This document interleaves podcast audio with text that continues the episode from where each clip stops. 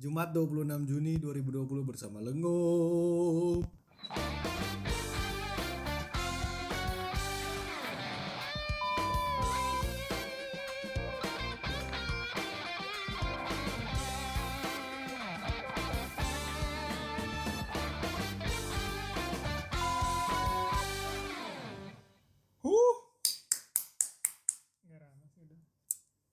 Oke. Nih segmen kita kayak berasa udah ini anjing episode sebelumnya tuh kayak udah banyak buat buat segmen baru kayak, kayak Padahal terakhir yang nonton berapa? 33 Banyak. dan itu baru satu episode lah biasanya kan kalau acara lain tuh kan Iya. udah banyak Episode. episodenya Nah, dulu baru. kan baru buat segmen yang lain kita sosokan baru satu episode buat segmen lain anjing Gak apa-apa. Itu 33 penonton 10 orangnya keluarga gue. serius Gue keluarga besar. ya. Aduh ini segmen terbaru kita anjing kayak berasa apa ya udah lah pokoknya ini segmen baru lah segmen baru Apa namanya? apa namanya Yang tadi ngobras. iya. Segmen baru namanya ngobras. Ngobrolin aneka macam keresahan. keresahan Asik. Jadi kita mau ngobrol keresahan apa nih, Man? Untuk pembuka ngobras.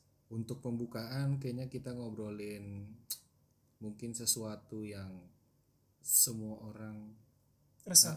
ah, semua orang alami resah sih. Pasti. semua orang alami Pasti sih, pasti. pasti Pasti. ini keresahan yang umum banget Iya. sangat umum Fundamental resah.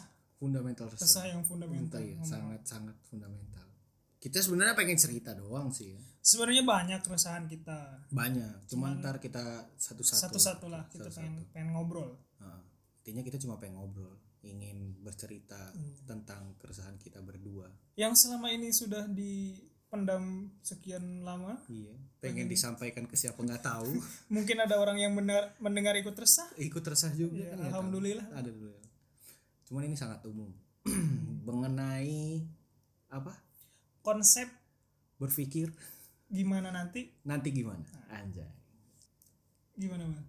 gimana ya ini suatu hal yang ini sih semua orang sulit untuk menentukan. Iya.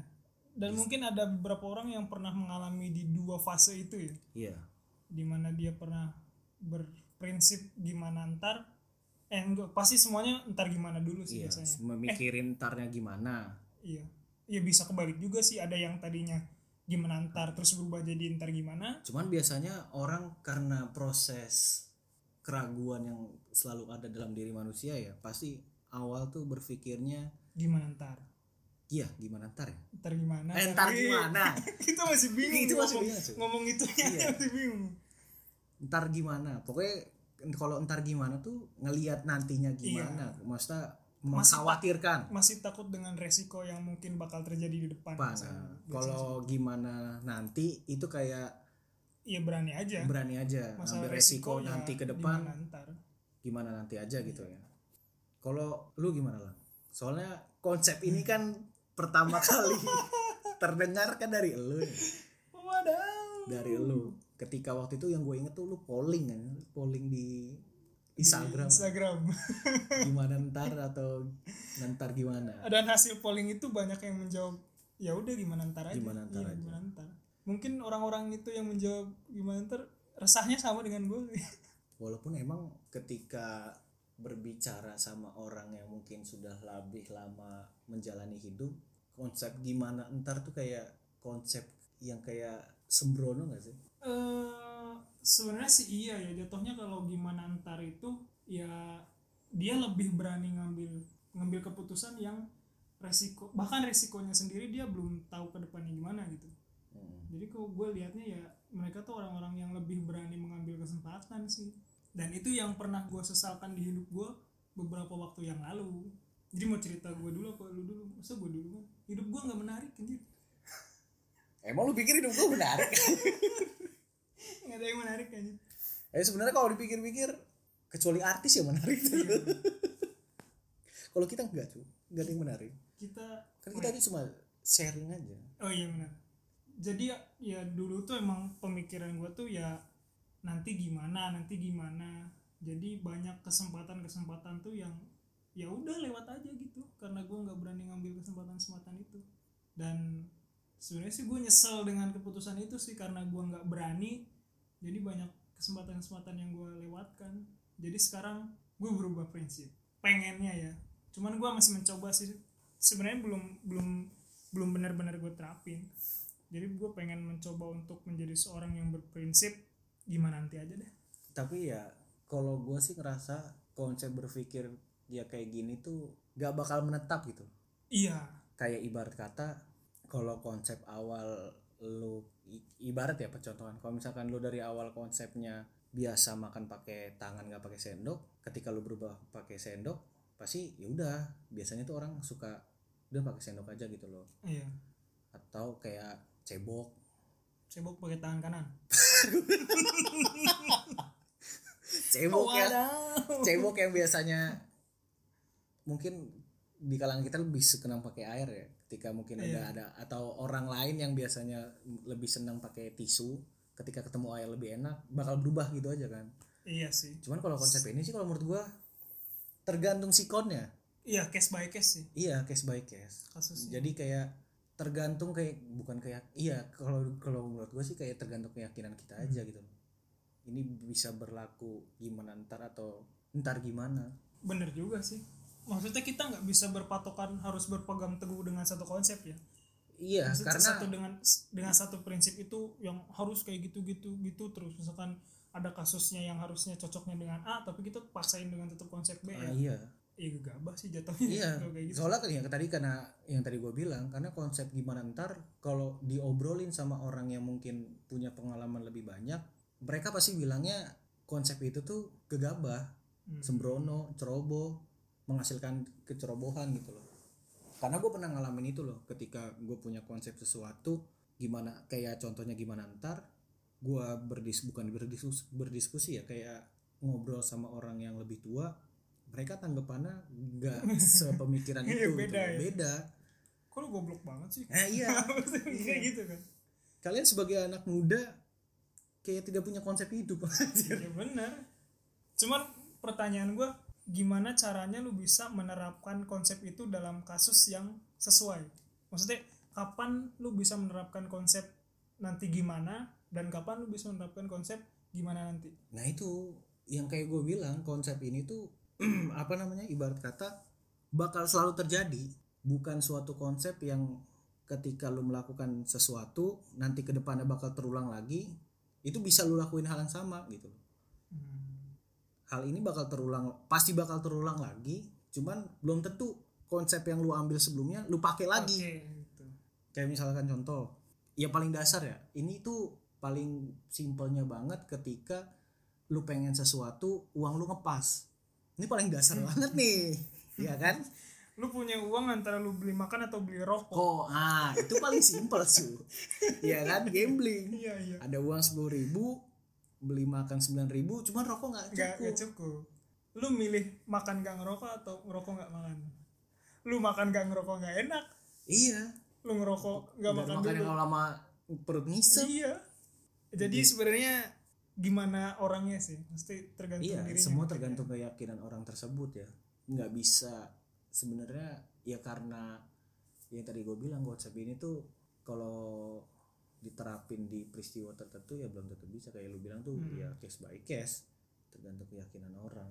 iya sih gue juga contohnya kayak kan gue lagi ngambil ini curhat aja ya gue lagi ngambil KPR rumah ya Hmm, dengan tenggang waktu 20 tahun pak 20 tahun. 20 tahun nggak tahu gue masih hidup apa enggak 20 tahun ke depan kan cuma tetap nah untuk untuk kasus itu gue pakai konsep ya udah gimana ntar aja. aja. Iya. karena peluang gue buat ngambil rumah lagi kan ke depannya gue nggak tahu kayak Hmm. gimana entah mungkin ke depan gue jadi orang kaya KPR gue lunasin langsung nah kan itu juga Iya. bisa jadi kemungkinan terbaik ke depannya kan dengan konsep gimana ntar daripada ntar gimana ntar gimana rumah kagak jadi jadi Jadi. nanti gue kan gitu. Ya itu tadi gue bilang ini tuh masalah keyakinan, masalah seberapa ragunya kita sama keyakinan yang Keyakinan kita kita punya. gitu. lu ada contoh Wan? penerapan konsep tersebut dalam kasus lu? Nikah. wow. Gua nikah. Gua nikah. Jujur aja gue bilang. Eh, bininya Irwan denger gak ya? Pasti pasti denger. sih. Dan sebenarnya dan gue udah ungkapin ini juga ke dia gitu. Hmm. dia tahu situasinya gimana gimana? Ya banyak orang bukan banyak orang mungkin lebih tepatnya keluarga gue ya lebih tepatnya keluarga gue ketika gue sounding mengumumkan aja ya mengumumkan. Bewara gitu. ya, Memberi di Insta Story. Gak kali ngomongin gue nikah di Insta Story kagak lah kok gue nganggapnya beneran goblok. Goblok banget lanjut lanjut. Kan awal kan gue sounding kan ke keluarga gue ke bokap lah almarhum bokap gue waktu itu gue sounding terus akhirnya almarhum almarhum bokap tuh sounding juga ke keluarga besar.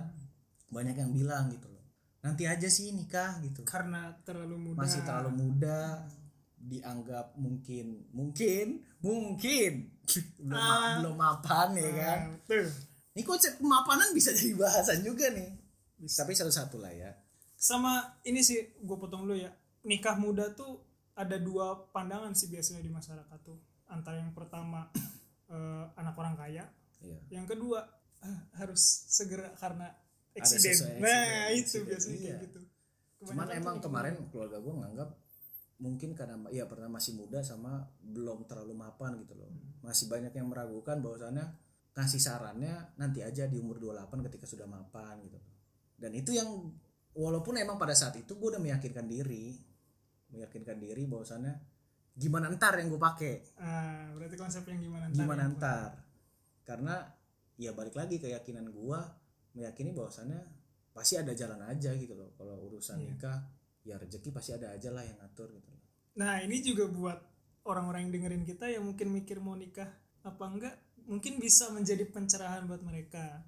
ya semua balik lagi sih ya tergantung sikon yang ada kayak tadi gue bilang Sama Konsep. orangnya. ah, sama konsep ini konsep gimana entar dan entar gimana tuh tergantung sikon masing-masing person Iya. nggak bisa dipaksakan harus A harus B Dan untuk masalah pernikahan ini Wan, konsepnya gue beda.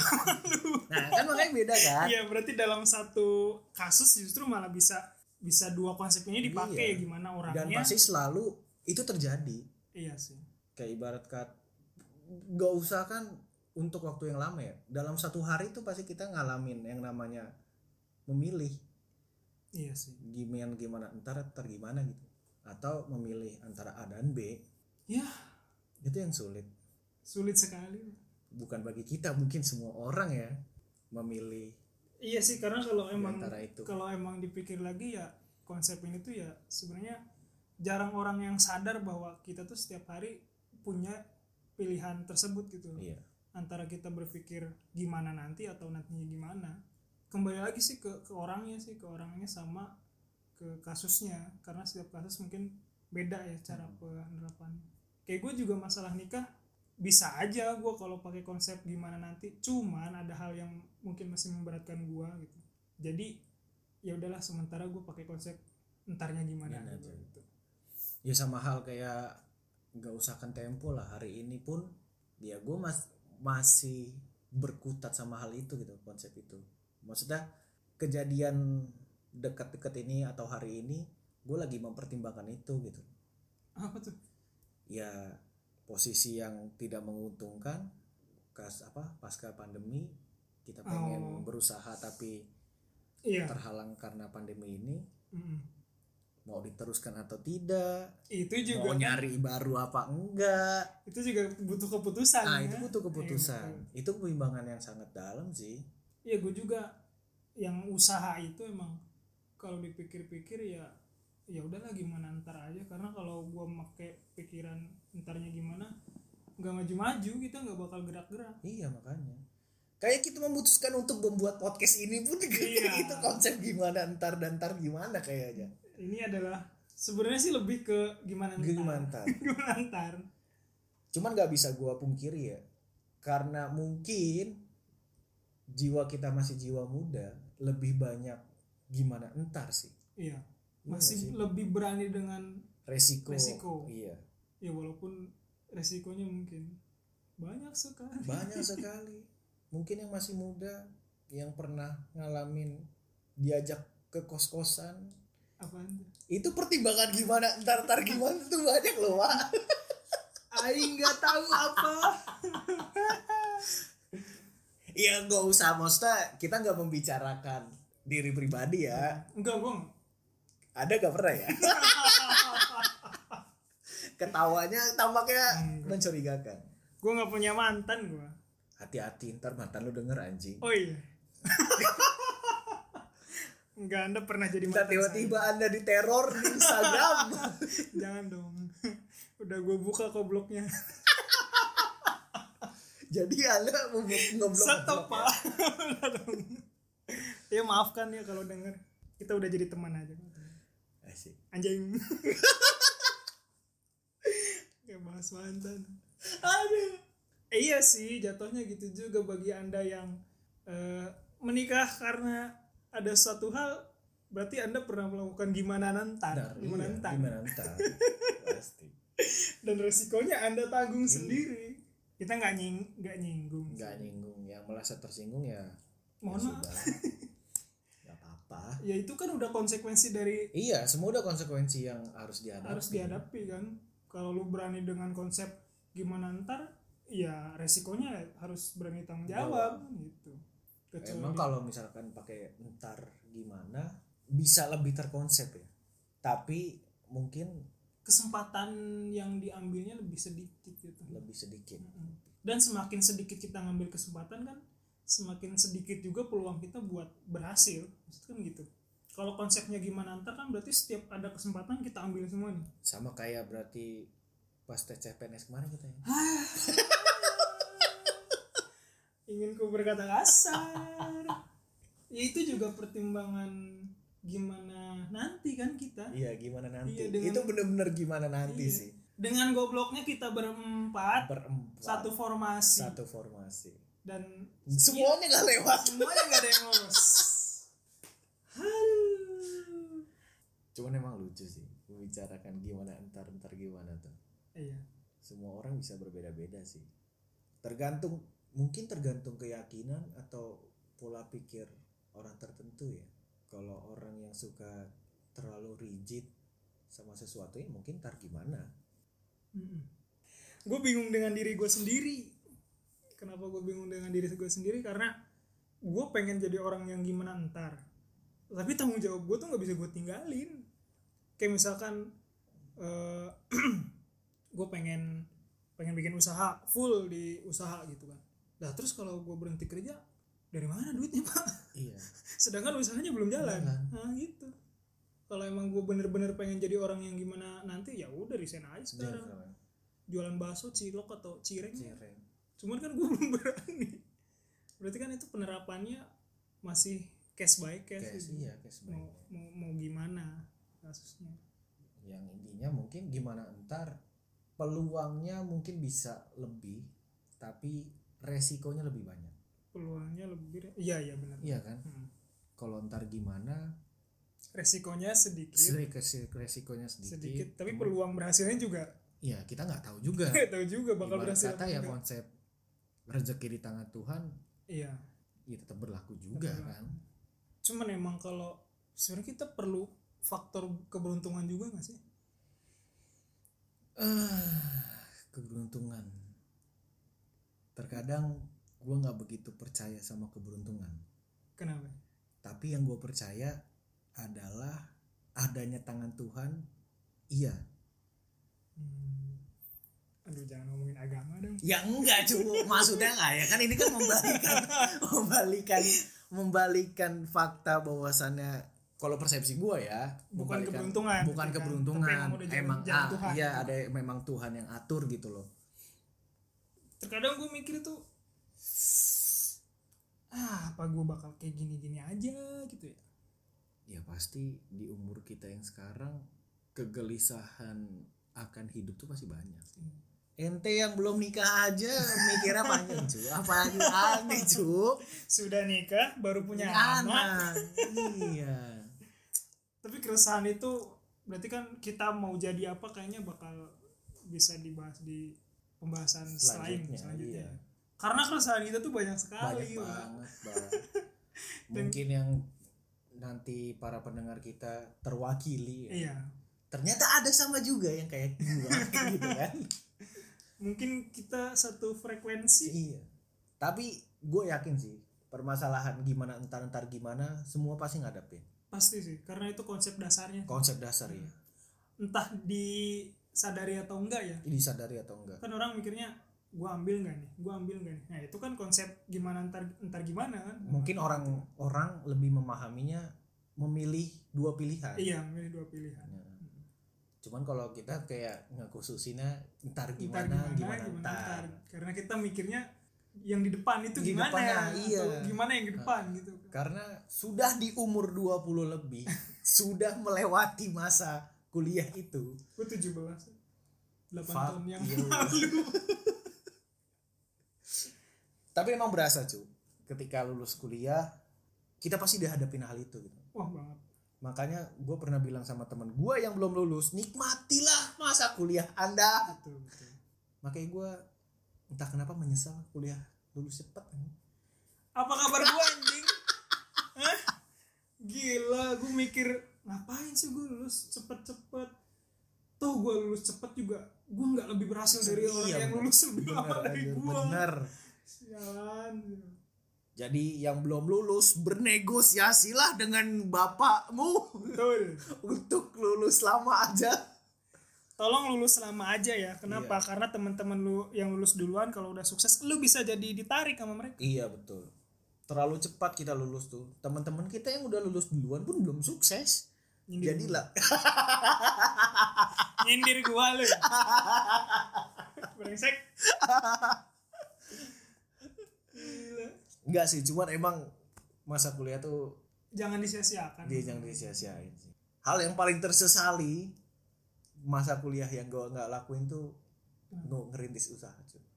Bukan belajar dengan benar. Eh, gua zaman kuliah tuh dulu pernah sempet mau ini mau mau, mau ikut ini kopun tuh kopun? Oh iya. Kan oprek buat manajemen kopkun gitu ya? ya oprek buat kasir situ. Hmm. gue pengen tuh pengen ikut itu. Dilarang gua nyokap gua mama masih bisa biayain kuliah ya. Sama. ngapain kamu gue juga jadi gue juga gitu gue juga gitu. Buset. Gue juga gitu. Gue mau ngelakuin sesuatu bokap gue tuh pasti ngelarang. Pasti ngelarang disuruhnya apa jual pulsa anjing. Disuruh usaha rintis yang bener-bener kecil-kecil banget. Kecil banget. Nggak ada peluang lebih besar di sana. Gue nggak bisa bayangin sih lu Wan, di kampus. Man pulsa goceng. Iya makanya kan dan kata gue jualan pulsa zaman kuliah nggak ada untungnya. Nggak ada untungnya. Kenapa? Karena gue jamin teman-teman ngutang. Ngutang. Pertama ngutang kedua lebih banyak pakai kuota kan iya sekarang setahu gua kan kalau jual pulsa tuh lebih untung make eh apa beli pulsanya Beli yang pulsa, lima yang kecil-kecil kecil-kecil. Kalau beli yang seratus ribu langsung kan Iya. kayak cepet banget bisa habisnya. diuntungin gope atau seribu, seribu kan. kalau yang langsung gede kan iya terlalu ini sama zamannya kita kan juga mahasiswa tuh banyak yang beli pulsa via ATM gitu Iya, kan. makanya. Udah dari rekening langsung Mm-mm. gitu sekarang aja udah banyak banget kan yang berkurang apa outlet Heeh, outlet, outlet pulsa counter gitu konter-konter HP karena udah ada Tokped iya. bisa lewat online semua sekarang isi pulsa. Gua mungkin udah setahunan gak pernah sama. nyambangin konter. Ntar, iya bener anjir. Gua nyambangin konter. Setelah lulus tuh gue udah nggak pernah ya. iya. Yang udah kalau udah kenal namanya apa namanya? Telkomsel. Eh, Ya. apa sebut merek gua? Nggak apa-apa cu. Kita nggak di endorse apa pun Oh, iya. mungkin Telkomsel. Oke Telkomsel. Bisa masuk bermimpi sekali M-banking M-banking Udah kena ya, M-banking. M-banking. atau lewat langsung Telkomselnya. Telkomsel ini kan. Karena udah lebih gampang banget Iya. sih pulsanya. Eh, jadi usaha tel eh telkomsel usaha pulsa sekarang bukan pilihan Pak. bukan pilihan iya. Tapi kalau buat teman-teman gue yang dari masih- dulu aja sudah visioner loh jual pulsa tuh gak ada untungnya tapi buat orang-orang yang teman-teman yang masih jualan pulsa ya semangat, semangat gitu iya. Masih banyak kok orang-orang semangat lah untuk mengumpulkan niat pindah ke usaha yang lain. Betul.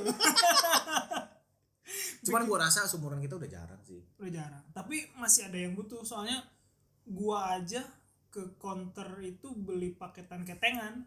Oh. itu tuh buat adek gua buat nyokap gua. Kalau gua balik ke rumah kan pasti Wah. nitip kan. Hmm. gua belinya di counter gitu. Karena kalau gua beliin di telkomsel paketnya mahal-mahal. Iya sih.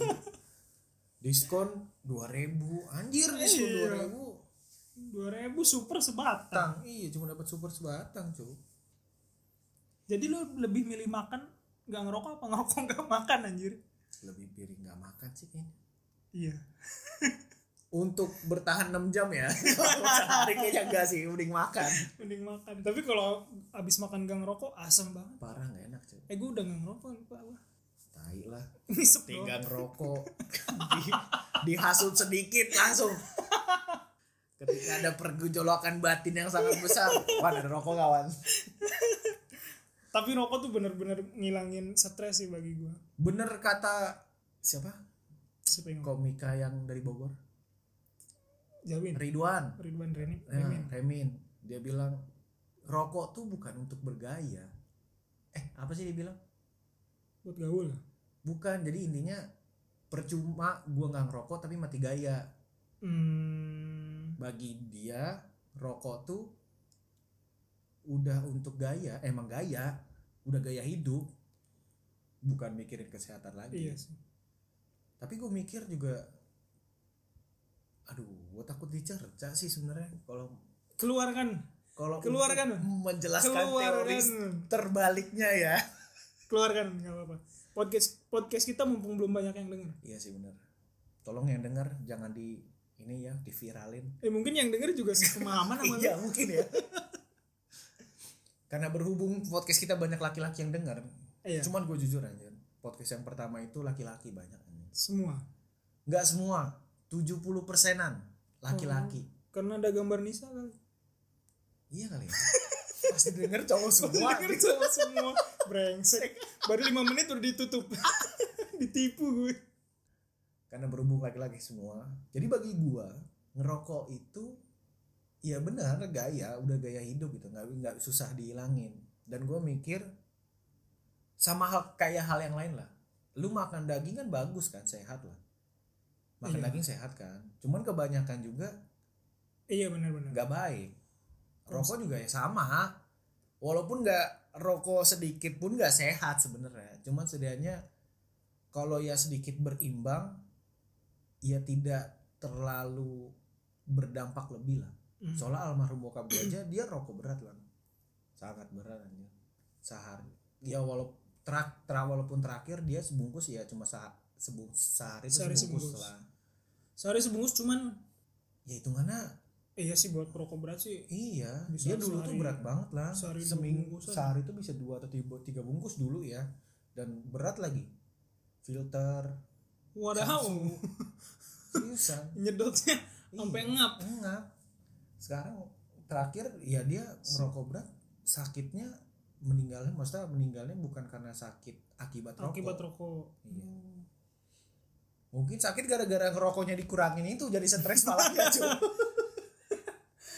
kenapa jadi dark jokes gini ya jangan ketawa gilang Maaf papa.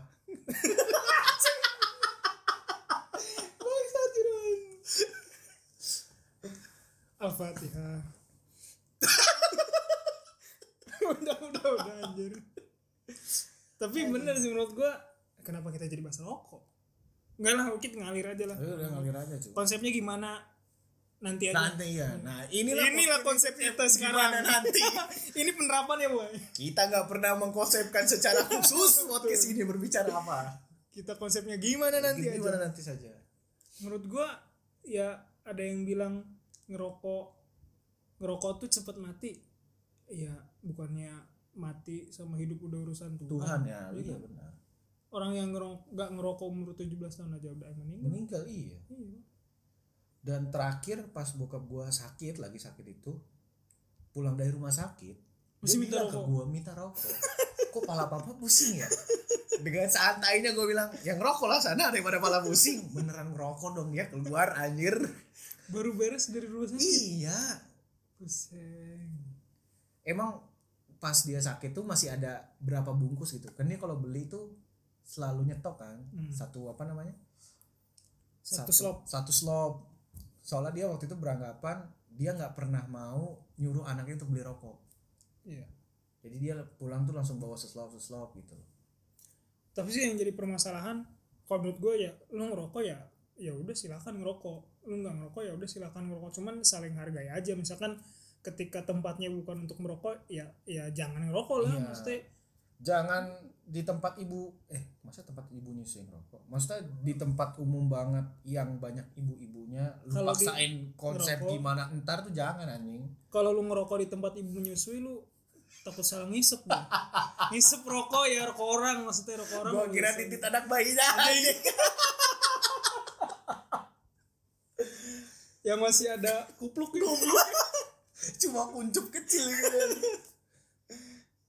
Itu sih maksudnya terus misalkan kalau tongkrongan lu nggak ngerokok ya udah lu sebisa mungkin jangan ngerokok di situ. Kalau mau tapi ngerokok tongkrong aja dulu. gua SMA cuma gua doang yang enggak yang rokok gue juga tongkrongan SMA gue gue doang pak yang iya ngerokok. makanya anjir. Dan gue kalau lagi ngumpul ngerokok gitu eh lagi ngumpul gitu gue cabut dulu bentar ngabisin sebatang. Oh terus gitu. gue balik lagi gua kalau gitu. enggak tetap aja ngerokok biasa aja. Mereka ya slow slow aja. slow aja sih. Eh tapi kalau gue lagi ngum- ngumpul sama yang cowok-cowoknya gue ngerokok slow sih. soalnya teman-teman gue juga bilang ya udah ngerokok ngerokok aja. Soalnya kalau lagi ngumpul sama anak-anak ceweknya gitu.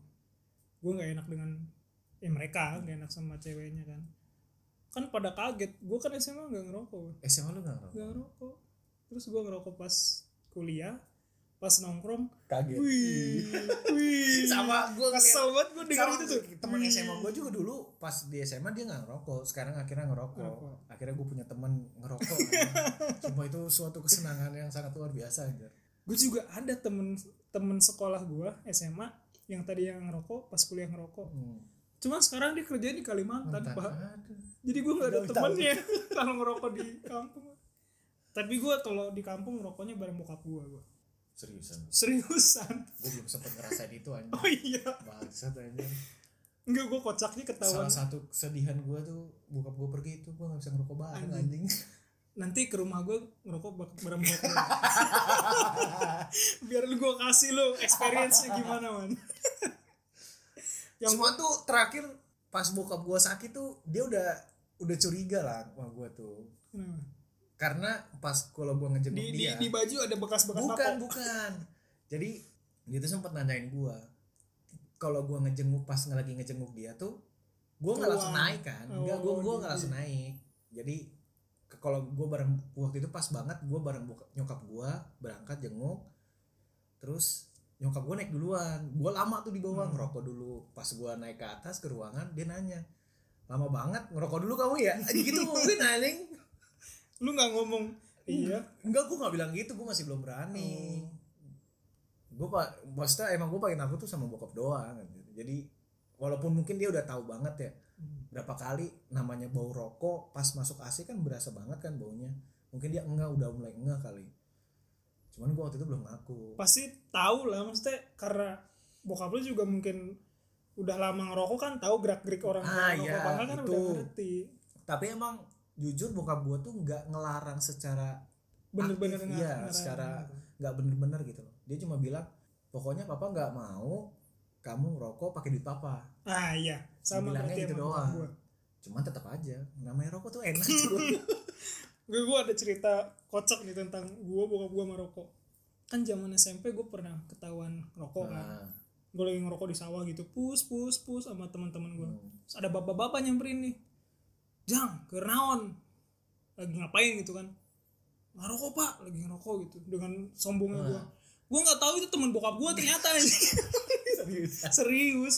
Pas gue balik ke rumah ngerokok lu ya? Aduh tahu dari mana? kata gue bapak-bapak tadi pak ditampar lah gue kena lah kena kena damprat kan. Terus kemarin nah pas ini cerita yang gue diizinin ngerokok nih. Hmm. jadi pokoknya gue tuh ya BAB lah. Hmm. BAB kan paling nikmat sambil ngerokok, ngerokok kan. iya. nah itu gue inspirasi aja Ih, inspirasi banget Parah, coy. Keluar semua. Keluar semua. Walaupun keluar kamar mandi hilang. Iya. Inspirasinya Ini nggak- apa tadi ya? Gue lupa tadi. Cuma pas di kamar mandi tuh datang wahyu tuh. Iya. Yang bikin lama di kamar mandi kan bukan bokernya. Ya, iya. Eh kok boker? BAB BAB walaupun BAB-nya udah habis kalau belum habis lu nggak Iya. bisa keluar. Dan itu wahyu datang terus yuk dan gue itu lagi ngerokok di kamar mandi gitu gue lupa bokap gue lagi di kamar ada Ah. kan. Terus mungkin dia nengok ke kamar mandi gitu ada asapnya Ah. keluar. Udahlah gue keluar. Terus habis itu makan lah kita makan. Habis makan bokap gue ngerokok kan di Hmm. depan kamar gitu. Gue gue tengok tengok tengok tengok gitu. Mungkin bokap gue udah nggak ya? iya. Iya ya orang pengen ngerokok nih orang pengen ngerokok ya. Langsung dibilang gini udah sini rokoknya keluarin aja ngerokok bareng anjay serius di lu rasanya gimana anjir udah kaget anjir. Eh kok bokap gue tahu? Udah bapak udah tahu orang kalau kebagian nyuci. Kan gue cucinya kan Nah. gililan kan. Ada ini ada apa ada Korek. korek. Oh. terus kalau di kamar mandi kok ada asapnya.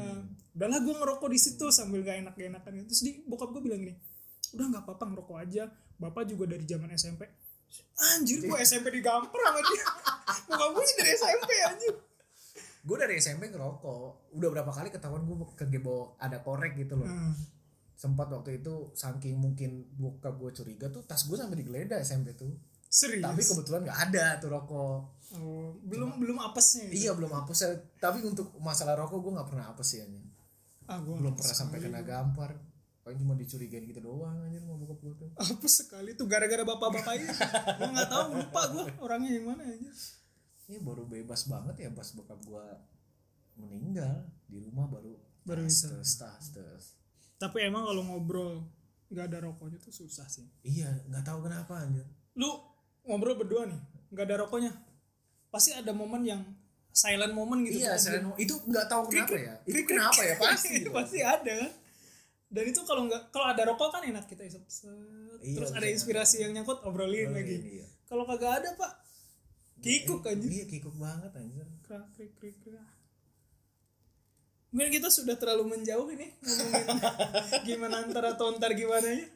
Ya intinya gitulah. Intinya bisa disimpulkan sendiri lah jadi setiap ada kesempatan yang mungkin bisa diambil di depan mata silakan anda mau ngambil konsep Iya. gimana nanti atau itu nanti tergantung gimana? keyakinan tergantung orang. masing-masing ya. Iya. kita nggak bisa ya kita nggak mencoba untuk mentransfer apa yang kita yakini gitu loh. Iya kita sharing. Cuma sharing cuma berbagi cerita Hmm. aja. Sama pengalaman-pengalaman kita karena kita berpikir berbeda. kita sering ngobrol berdua. Tapi karena keseringannya itu kok di- dipikir-pikir kok nggak ada hasil nggak ada hasilnya. mending di podcast ini kan? Tidak mencerahkan siapa pun kalau diobrolin iya. doang. iya. Kalau dipublish kan memang anda ingin mencerahkan sesuatu. Apa tuh? Enggak maksudnya apa tadi apa sih? Udah ngelantur mending tutup aja ban tutup tutup. Gue bingung aja dari podcast pertama kenapa selalu malam ya? Kita ngebuat tuh ini malam loh ya.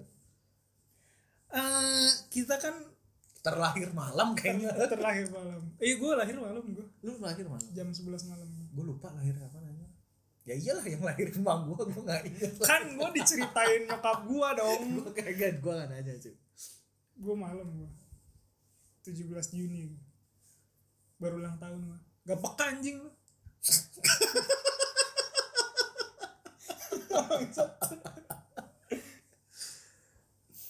mungkin lain kali kita harus nyoba teks pagi kok nggak sore. Ah, ya yakin lu? Ya maksudnya nggak pagi juga siang lah gitu loh ketika matahari masih ada gitu. Maksudnya tapi nggak ya nggak paling syahdu sih sore sih. Iya sih sebenarnya sore. Cuman pada balik sore sih ya. Iya. Besok besok sore bisa sih. Ini udah tutup belum sih? Kita belum. belum ya kita usahakan nanti kapan-kapan sore lah. Kalau memang nggak hidup juga omongannya udah malam aja berarti. tapi kata gue sih lebih hidup malam sih. Iya nggak tahu kenapa. Setiap obrolan itu lebih nikmat di malam hari. malam bener. Sama gue sore tuh takut bocor. Iya sih takut rame. Rame kan ya intinya seperti itu. Obrolan singkat kita pada malam hari ini. episode kali oh iya episode ini. hari ini. Jangan kayak ngobrol beneran dong lang. Tadi lu kan bilang yang ngobrol podcast kan? Oh, ini karena di podcast. Betul betul. Jadi intinya tergantung keyakinan dan kepercayaan anda masing-masing mengenai penentuan pilihan antara Hmm. gimana entar dan entar gimana. Sama tadi kan Irwan udah sharing yang tentang nikah tuh pakai konsep yang mana. Gue juga sharing tentang Nah, masalah iya, perkawinan. kita berdua aja beda konsep. beda konsep. Iya. ya silakan lah lu mau kubu gua mau kubu Irwan. Oke. Oh sama satu lagi Wan. Apa? Kenapa gua nggak nikah cepet-cepet tuh? Bukan karena nanti gimana juga sih. Karena belum ada calonnya Wassalamualaikum warahmatullahi wabarakatuh. Bye bye.